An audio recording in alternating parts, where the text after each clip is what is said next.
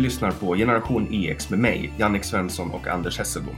Om du tycker om det här projektet så får du jättegärna gå med i vår Facebookgrupp Generation EX-gruppen.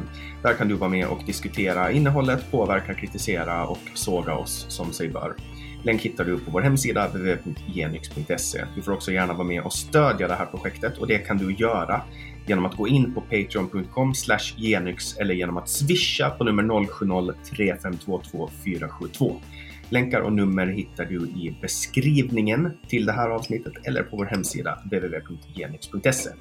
Vi släpper nya avsnitt alla fredagar året runt, eller hur Anders? Jajamän, kul att vara här igen Jannik, hej! Hej, och nu har jag ett litet överraskningsmoment åt dig Anders, för att vi har också med oss Johannes Jägers idag och du vet inte vem det är.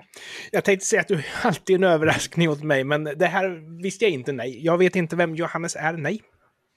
Välkommen Johannes. Tack så mycket. Hej Johannes! Jag ska, jag, jag ska berätta vad som har hänt. Så här. Jag har blivit inbjuden till Clubhouse. Mm, kul. Och till en början så var jag jätte emot det här. Jag upplevde det som en hype. Jag kände att det här är ingenting jag ska hålla på med. Det, det, jag var bara irriterad. Men jag fick en inbjudan av en lyssnare, Marcus Milén, eh, Millingen. Jag vet inte hur man hur, hur jag exakt ska uttala det, men jag säger, vi säger Marcus Millingen. Ni får gå in och kolla upp honom. Han finns på Clubhouse. Det var han som bjöd in mig. Han har fått den stora äran. Tusen tack Marcus. Vi har haft många trevliga diskussioner. Jag kom i alla fall in eh, förra fredagen. Och sen dess har jag alltså torska på den här skiten. Jag har blivit beroende av det. Jag gör ingenting annat än att sitta på Clubhouse. Alltså, jag, i, igår natt så somnade jag klockan fyra. För att jag satt på Clubhouse och bråkade med folk tills, alltså tills, alltså det, det är nästan som att ha tagit ett återfall. Jag vill det är helt galet. skjuta in det Jannik, att du verkar ha en personlighet som gärna faller hän till beroenden. Ja, det, det, kan, det är ett helt annat avsnitt. Men, men i alla fall, det händer helt galna saker på Clubhouse. Man träffar folk man, man, träff, alltså man träffar folk eh, man, man känner från förut, man träffar folk man har gemensamma vänner och man blir alltid förvånad över vad som händer. Och så tänker man det här kan liksom inte, det här kan inte trumfa det andra. Och det som, det som har hänt nu är att jag har köpt en häst som heter Knut. Mm. Jag tycker om Knut jättemycket. Jag är på Åland nu, jag är med Knut varje dag. Jag, vi har jättetrevligt och så vidare. Så att jag döper mina rum på, på Clubhouse till olika saker som har med hästar att göra. Mm. Och när jag var liten så fanns det en meme. Eh, alltså liten, vi snackar om tio år sedan. Jag var typ 17. Du var liten då. Så. Ja, jag är fortfarande liten i ditt, ditt perspektiv. Då fanns det en meme som hette Hästar finns inte. Ja, just det. Den kommer jag ihåg. Och det här var ett väldigt, det här var ett väldigt intressant eh, fenomen. Eh, som var att ur mitt perspektiv som jag tolkade då var det att, att man kunde säga till en 8-9-årig flicka, ah, hästar finns inte. Och så sa de, det finns de visst. Och så säger man, nej de finns inte. Nej, de finns visst. Och så säger man, nej de finns inte. Och så börjar de gråta. Mm. Um, så jag döpte i det här rummet som jag satt i till Hästar finns inte. Och så satt vi och pratade anarkokapitalism med Kai Grüssner. Som också har varit med i den här podden, ett kort inslag i början. Då kommer helt plötsligt typ fyra personer in i rummet. Och, bara, och en av dem är Johannes och han bara Hej, alltså vi såg ditt namn och vi bara måste komma in här för det var jag som skapade Facebook-sidan Hästar finns Ah! Uh, och så kommer han in och, ja eller hur, och, och den har liksom en, en kvarts miljon visningar på Facebook och, och därför har jag bjudit in Johannes idag för att diskutera det här internetfenomenet och internetkultur och kanske skola en gammal gamyl som Anders Hesselbom. Så välkommen hit igen Johannes. Ja, tack så mycket. Fint Jo- öppningstal. Jo, Johannes, jag är jättenyfiken naturligtvis. Jag vill bara jättekort säga att när jag var liten då skrev man brev till varandra eftersom det var dyrt att ringa. Men sen har det ju blivit billigt att ringa och dyrt att skriva brev på grund av teknikutvecklingen har gått framåt och liksom kostnaden för arbete har gått upp. Men internet, jag har ju aldrig funnits när jag har varit ungdom och internet fanns, om du förstår vad jag menar. Yes. Och hur föds en sån här grej som blir, för det här blev ju i princip en folkrörelse. Det var ju inte supermycket människor på Facebook. Eh, och så skapar du en Facebookgrupp som heter Hästar finns inte och helt plötsligt så har du ett brand där du kan tjäna pengar på att sälja tröjor. När du är typ 17 år gammal. Ja, jag tror jag var 19. Men ja, tonåring. Vad ska man säga? Det, det urartar ju kan man säga. Det, det var gamla kompisskämt som man la, man la ihop ett plus ett. Mm. blir två och gick in som i en roll och bara satsas 100% på att aldrig släppa karaktär. Jag måste ju fråga, eftersom en mem idag är ju ofta en samhällskommentar, men hästar finns inte var ju bara ett oskyldigt påstående. Varför slog det så hårt? Men det är väl gruppen människor som är mest lättkränkta och du får inte skit om du kränker dem. Hästar? Nej, hästmänniskor. Hästmänniskor, ja. Ja, De har nog inga vita ryttare som försvarar dem så som till exempel andra, ja, kristna har ju sina, muslimer har sina, men hästtjejer har inte det. Alltså för jag, jag tänker så här, hur skapas, alltså hur, hur blev det ens en, alltså var det, blev folk arga på riktigt när du gick ut och påstod att hästar inte finns? ja alltså jag fick ju meddelanden alltså, privat i DM på sidan att eh, deras hästar skulle hoppla sönder mig. Eh, Ja, ja, ja. Jag, var värre än, jag var värre än Hitler. Ja, ja. Så ja, man har kommit långt om man har fått de alltså, kommentarerna till sig helt anonymt. Det var någon som, eh, det kanske var du också, jag såg någon screenshot för länge sedan, jag kan ju minnas fel, men det var någon som sa hästar finns inte, fick svara jo, hästar finns. Och då skrev han tillbaks, hästar är en frukt. Och då blev det också liksom kränkt stämning i- i rummet. Men det, det var också sån där grej som fick mig att liksom bara spruta kaffet ur munnen när jag läste det liksom. Förmodligen är det väl att det är random, som det heter. Ja, alltså man, man växte ju upp med, med internet, med det här meme-kultur och skoja på internet. Man var inne i forum som inte är aktiv idag, knappt finns idag. eh, Och man såg det roliga i det. Sen så är det väldigt många som inte såg det roliga i det då, som kanske ser det nu. Mm. Så det var ju någonting nytt och någonting kränkande för många. Ja, Man, hur, kom, hur kom den här metamorfosisen till hästar är en frukt? För var det ni som stod bakom det också, samma personer? nej, alltså hästar finns inte, hästen frukt är ju eh, slogan, eller det är ju vad gruppen heter. Men sen så förkortas det hästar finns inte. ah. kan man säga. Så det, det är ju ihopvävt. Ja, ja, ja. Så det, det var inte så Men- jäkla random som jag trodde när jag såg screenshoten då alltså. Nej, så det, det var ju när man skrev hästar finns inte, hästen frukt. Så säger någon, "Jaha, rider- då har jag ridit på ett päron. Man bara, nej, för hästar finns inte.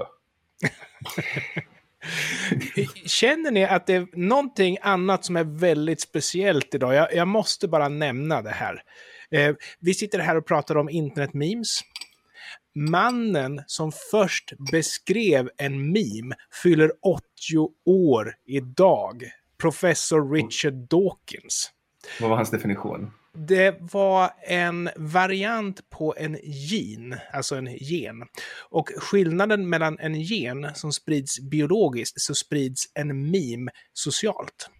Och det här var före internetkultur fanns. Det var före internet fanns. Men, men eh, det var han som instiftade ordet och det blev inte riktigt viralt förrän vi hade internet. Förrän folk i gemen hade internet. Spännande. Men hur, hur är det när du, när du till exempel nu, Johannes, stöter på det här och du vet att det är du som har skapat det. När du stöter på, alltså för att det är ju ändå en folkrörelse. Så när jag, säger, jag säger ibland att Mm. hästar inte finns. Ja, Eh, och då kommer folk ihåg det och det blir liksom så att man kan lite, man kan, man kan drömma tillbaks till gamla tider när man har, när man har liksom skämt om de här sakerna. För gamla skämt sitter ju kvar. Hur känns det när, när du stöter på det här i, i, i civillivet?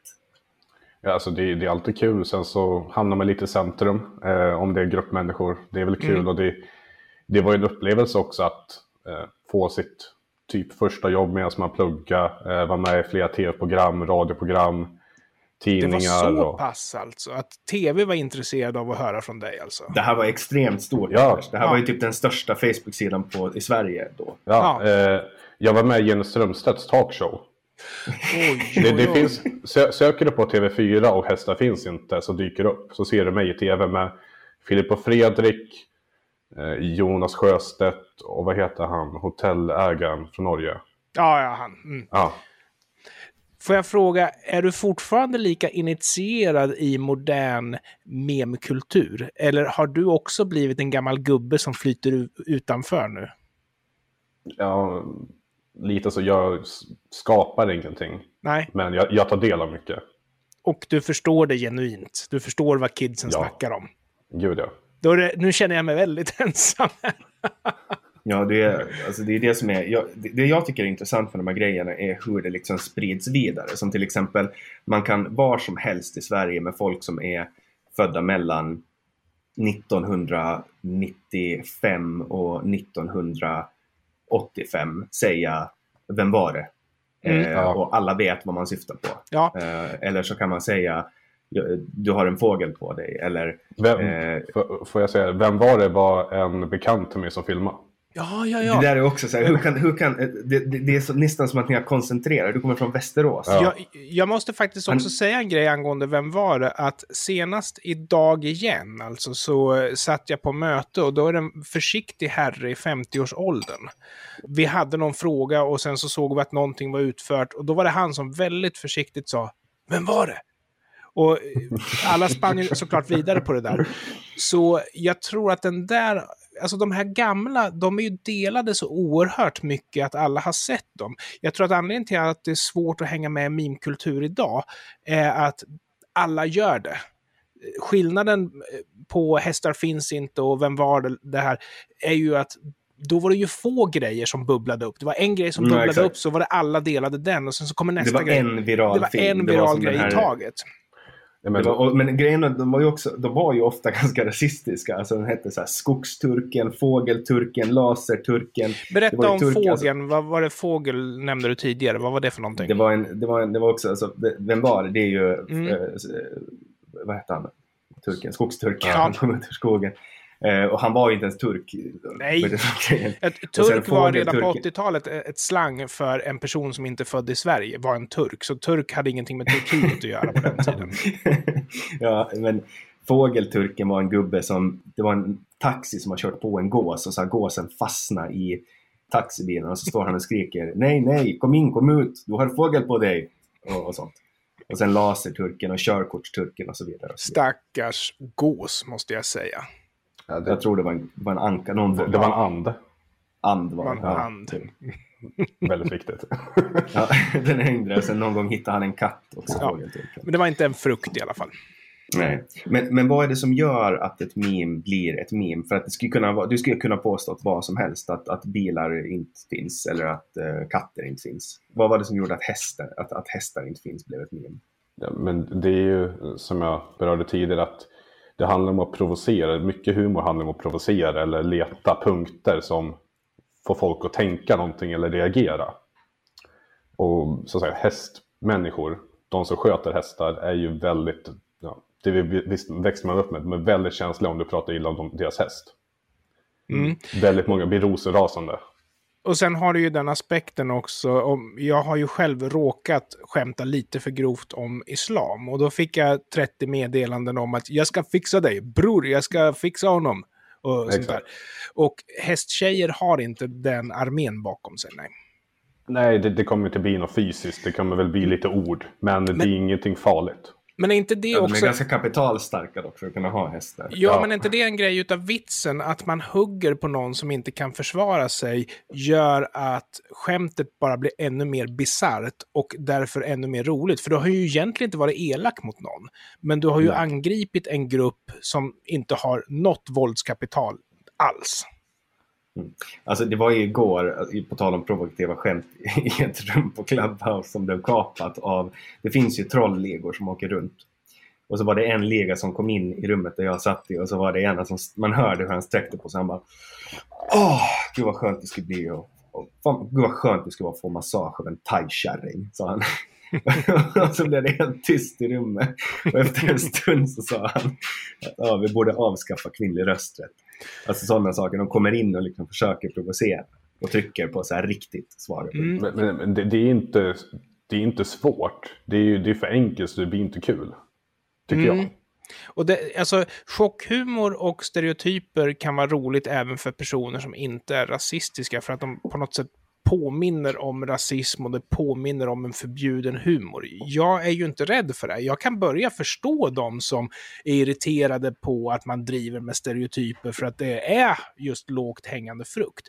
Men jag skulle ju aldrig någonsin avstå på grund av att jag funderar över om det kanske är rasistiskt eller inte. Det är ju snarare så att stereotyper är ju ett slags igenkänningshumor, ett slags erkännande av en främmande kultur som man då gör ner på skoj. Ja, och sen känner ju folk, alltså folk skulle inte tycka att det var kul om de inte kände igen det. Alltså det händer ju att folk drar ett skämt, ett jättegrovt skämt och så vill man skratta men man vet att det är fel. Ja, man känner sig som en dålig man- människa för att man tyckte att det var ganska roligt trots allt. Ja, men det är det som är bra med Clubhouse, att man kan vara muted. Så när någon drar ett sånt här skämt så kan man skratta högt utan att någon märker det. Det kan man ju inte i verkligheten. Nej, nej, så är det ju. Så är det ju. Men Johannes, du har haft Clubhouse ett tag, har jag förstått rätt?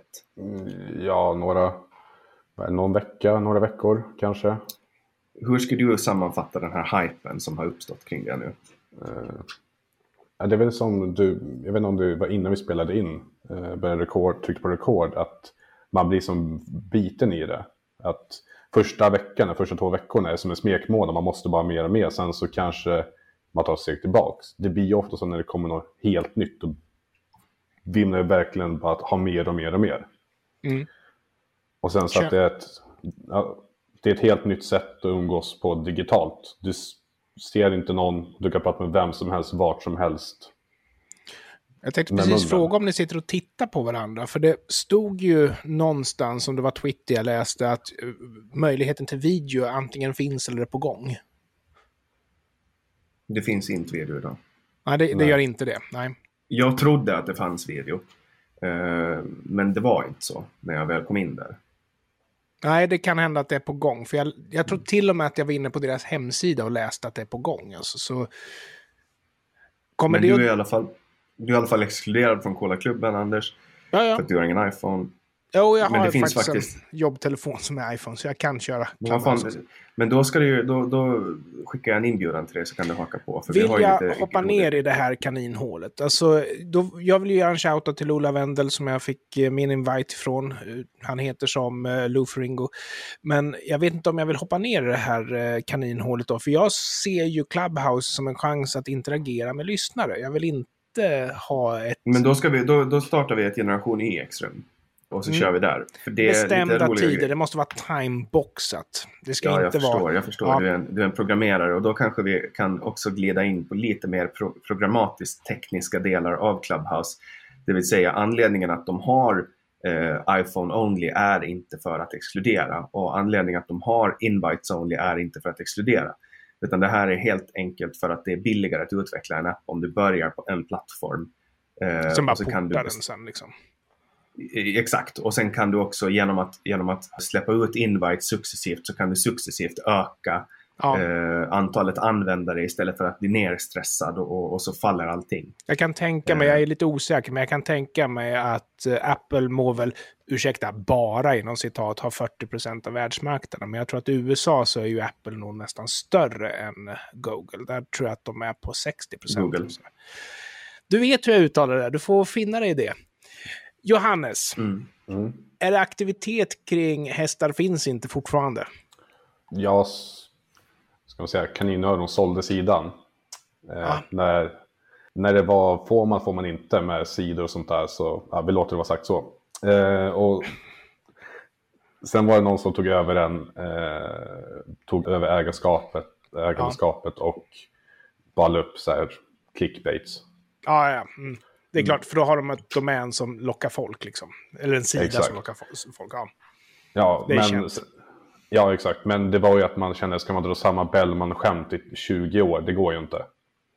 Men du kommer ju aldrig kunna göra någonting som är större som en meme än det här. För man kan ju bara trilla i den här floden av guld en enda gång i sitt liv. Får vi Det, se. vet man. Det, var, ju- det finns ju någon gobbe som blev träffad av blixten flera gånger. Mm. Nej, men kul eh, och jättekul för att du kom hit eh, Johannes. Eh, Finns du att följa på någon social media om någon vill hitta dig där? Jag är ganska anonym.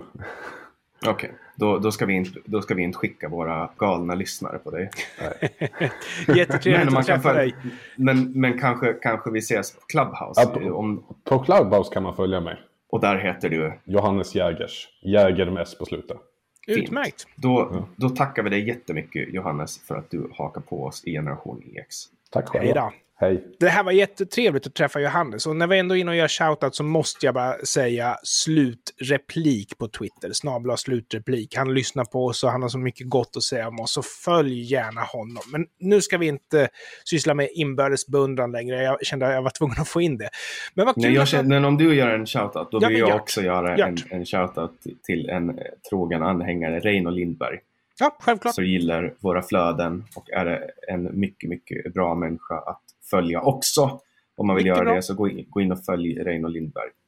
Nu har vi gjort lite shoutouts. Det är första gången vi gör shoutouts, eller? Nej, det har hänt. Eh, jag vet att eh, jag har nämnt Lola Wendel ett par gånger, men ja, han har ju liksom hjälpt till och han har lyssnat på flera av mina pods. Jag vet vem han är och han är en kompis. Jag vill liksom lyfta honom lite grann för en jäkligt bra kille. Mm. Typ, som jag, typ som jag lyfter Hadnes-Jonas i samtal. Ja, eh, exakt. Mm. Jag gjorde en annan rolig grej. Det var att eh, E.T. Persson eh, på Clubhouse berättade hur man egentligen ska, ska uttala Tovats namn. Vad heter han? Lawrence Tovats. Ja, han, det är väl ett taget namn, så... Ja, men han sa att det uttalas twat. Ja, men det, det stämmer. Han heter Twat. Mm. Det är faktiskt en, en korrekt uppfattning. Ja, jag tyckte, att det var, jag tyckte att det var värt att nämna. Och sen måste vi också skicka ett stort grattis till årets artist, eh, Mm. Yasin. Mm. Just det. Vunnit P3 Guld.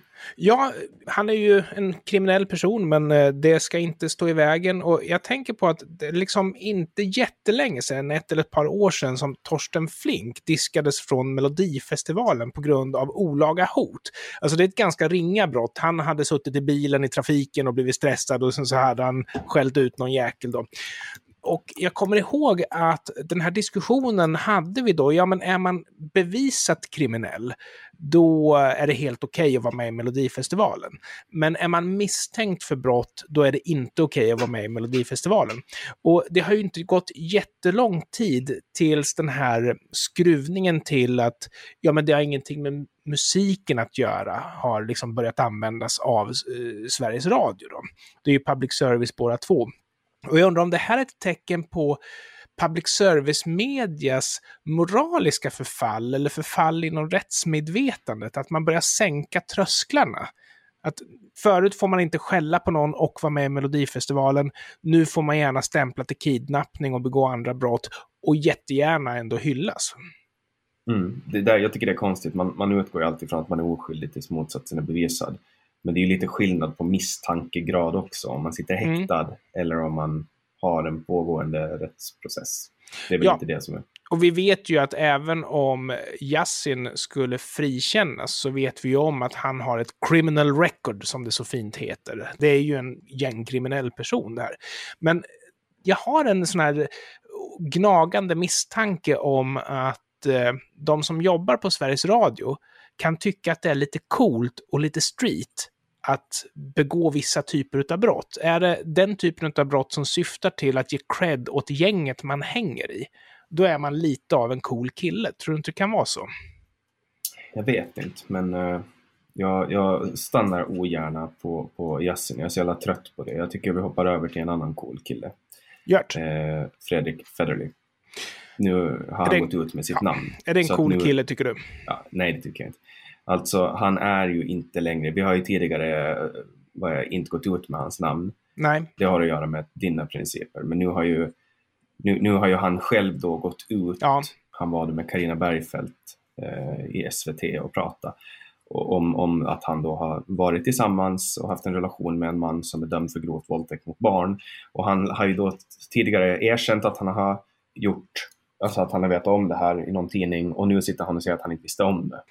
Jag är ytterst förfärad, därför att det Federley har gjort sig skyldig till, det är kanske inte formellt kriminellt, men det är ju ur ett moraliskt perspektiv, alltså han måste ju vara något av den mest förkastliga människa, alltså livsform som någonsin har gått i ett par skor. Jag har inget annat än förakt för den mannen. För det första så har vi ju sett bara genom att titta på historiken på artiklar från eh, Sveriges Televisions egna nyhetsbevakning sett att han har ju blivit kallad till polisförhör och påstått att han efteråt inte hade en aning om vad som pågick. Han har blivit utsatt för orosanmälan. Alltså, det finns bevis på bevis på bevis för att han fullkomligt skiter i barnens situation i det här fallet. Och det som Ja, också att ja, Annie Lööf har vetat om det här. och också att Annie Lööf har vetat om det här. Och när han får sitta och gråta i SVT, han pratar om sig själv, han pratar om sin situation. Han skulle aldrig nedlåta sig till att skänka en tanke till offren för förövarna han skyddar. Och dessutom så ljuger han ju även för sina följare, vilket då framgår av historiken på nyhetsrapporteringen att hans story går inte ihop. Han ljuger för dem som skyddar honom. Han är ett svin i ordets alla bemärkelser. Och igen då, då kan man ju fundera på hur det rimmar med public service-folks rättsmedvetande. Det jag kan säga om, om Federley är att eh, hela den här grejen har varit lögnaktigt från Centerpartiets sida och de kommer undan alldeles för lätt eh, för det de har gjort. Det spelar ingen roll vem Mm. det är som gör en sån här sak. Det här är, det är inte okej att ljuga om en sån här sak och vad, vad kan man mera säga om det? Ja. Jag är också jävligt trött på Fredrik Federley. Ja, och jag är bekymrad över folk i stugornas rättsmedvetande, för det finns fortfarande folk som inte hatar honom. Ja. Eh, en annan sak som har, är på eh, agendan nu är ju då Göran Lamberts som också har bett om att få eh, bli namngiven. Ehm, Han har då varit häktad för våldtäkt och han är då tidigare justitiekansler. Mm. Och han har varit med i massa olika profilerade mm, utredningar, polisutredningar och så vidare. Han har släppts ur häktet och det har lagts ner då, den här förundersökningen. Och han ville, göra, han, han ville ge sin bild av vad som hade hänt och så arrangerade han en pressträff. Och där då SVT var där, Expressen var där, Aftonbladet var där, alla var där. Då går han ut med, med, med den här kvinnans namn. Mm. Eh, och då valde de att klippa ner sändningen då. Men Och de sände det ju naturligtvis direkt, så att han fick ju sitt sagt i direktsändning. Så SVT var ju väldigt tillmötesgående. Det var Ja. på play de kortade ner, vet du. Jag vet inte, men, men det här är alltså... Jag han berättar kallar henne för för dig. bedragerska. Jag berättar för dig att SVT lät han stå och förtala henne i direktsändning. Ja, det är Men- ju SVT, det är ju SVT som har gjort brottet. Det är det som är grejen med de här grejerna. Mm. Med, med det här att det är ju SVT som kan, kan åtalas för, för att ha gjort det här. Hade jag varit kvinnan, jag menar, hon är säkert inte Guds bästa barn, men även de som inte är Guds bästa barn har rättigheter. Och jag anser att public service har slängt en privatperson framför bussen. Det fanns en tid när public i public service var allmänheten och folket, men numera är public i public service makten. Mm. Jag, jag tycker om vi ska ta hela, alltså ta brott. Jag tror att han, jag tror att han har begått det här brottet. Eh, men att bevisbördan helt enkelt inte är tillräckligt stor. Och, och jag vet att hon, eh, målsägande beträdet då för, för kvinnan som anmälde honom, Clea Sangborn, hon har jobbat med sådana här frågor och hon är Mm. väldigt, väldigt duktig på det. Eh, de absolut flesta som blir misstänkta för våldtäkt kommer aldrig att eh, kommer aldrig att åtalas. Nej, och, Det är riktigt jävla obehagligt och det är riktigt jävla äckligt. Och jag, alltså, det, det, är så, det, är så, det är så svårt att bevisa de här grejerna. Mm. Så att det, finns, alltså det finns så många män där ute som har begått eh, våldtäkter på kvinnor.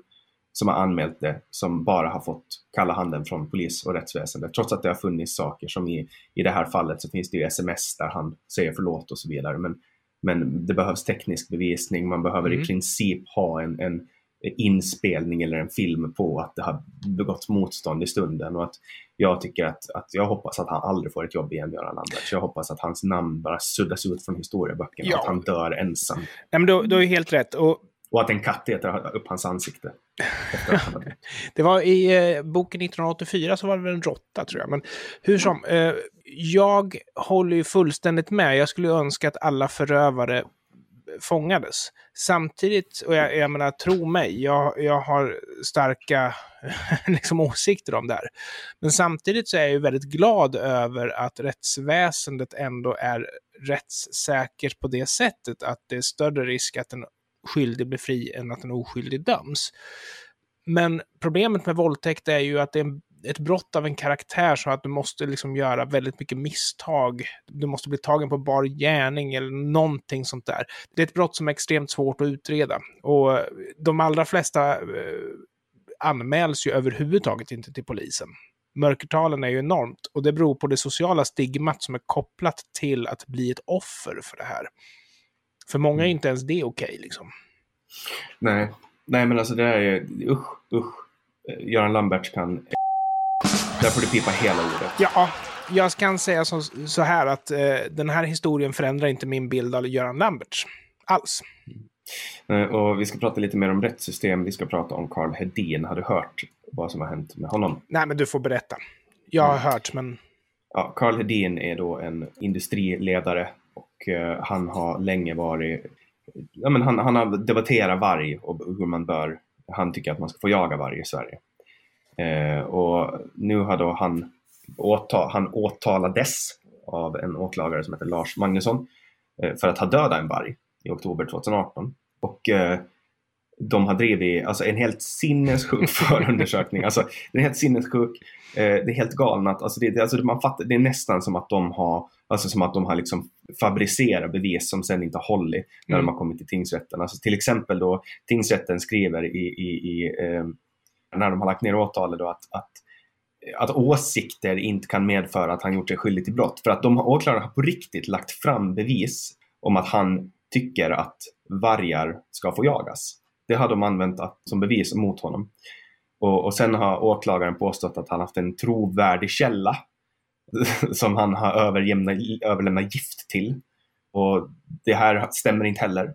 Och sen eh, alltså, har man försökt liksom eh, ja, det är helt, det är helt, alltså det är helt galet. Alltså det här, vi skulle kunna göra ett helt avsnitt om det här men, men, men åklagaren fick helt på nöten för det här och det här är riktigt jävla dumt hela den här grejen. Man har försökt få honom dömd för ett brott som han helt uppenbarligen inte har begått och trots att polisen har sett det här under hela förundersökningen att det här är ju bullshit så har man mm. liksom mm. försökt forcera fram det här till en fällande dom. Eh, det är jävligt tur att domstolarna är frikopplade från, från åklagarmyndigheten och eh, från ja. polisen. Eh, men jag tror att den här drevstämningen, den är ju ganska vedertagen inom myndighets-Sverige. Jag, jag, kommer ihåg eh, inte minst Leif Östling som var ordförande för Svenskt Näringsliv som sa vad fan får jag om skattepengar? Alltså, har man dålig moral, skyddar man en barnvåldtäktsman eller är det så att man är gängkriminell? Fine, helt okej. Okay.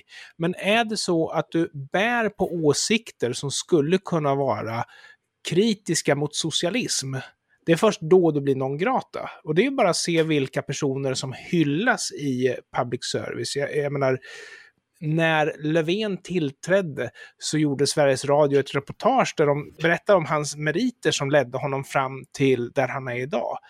När Ulf Kristersson tillträdde så gjorde man ner hans person. Man gjorde ett karaktärsmord på honom redan innan han hade liksom börjat jobba som partiledare. Så jag tror att ett hot mot socialism det är liksom den stora synden i Sverige. Mm. Men då får jag säga någonting roligt. Eh, det har ju varit Guldbaggegala och sådär. Och eh, jag hörde att Spring Öje Spring, de var bästa film. Har du sett den? Nej. Det, det, här bara gav mig en kort flashback därför att den filmen innehåller ju musik av Dr. Cosmos. Och i Dr. Cosmos så spelar ju alltså Martin Ågård. Och han kommer ihåg, för han blev ju stämd av Richard Herrey för förtal. Han hade ju kallat Herrey för rasist. Och det var så lustigt det här, för jag skrev någonting annat där jag angrep någonting politiskt eller vad det var för någonting. Och så fick jag värsta utskällningen av en person på Twitter som jobbar på Aftonbladet.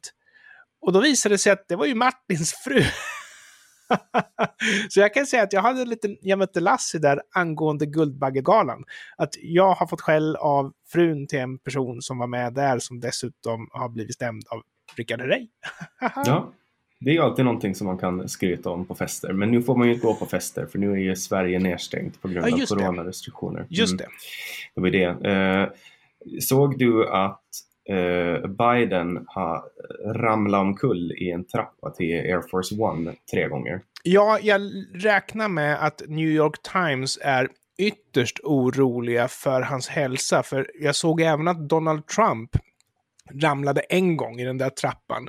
Och eh, då var det ett jäkla bekymmer och han skulle helst behöva avgå enligt New York Times för att han är så sjuk liksom.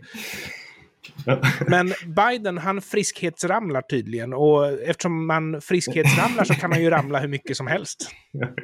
det är ganska roligt och det visar ju hur, hur snedvridet det är i media. Alltså att Trump, det är inte så jävla konstigt om man hoppar upp och ner i den trappan hela tiden. Och man, och man har dygnet runt bevakning med kameror på sig. När man ramlar, mm. då kommer det att filmas om ja. man är USAs president.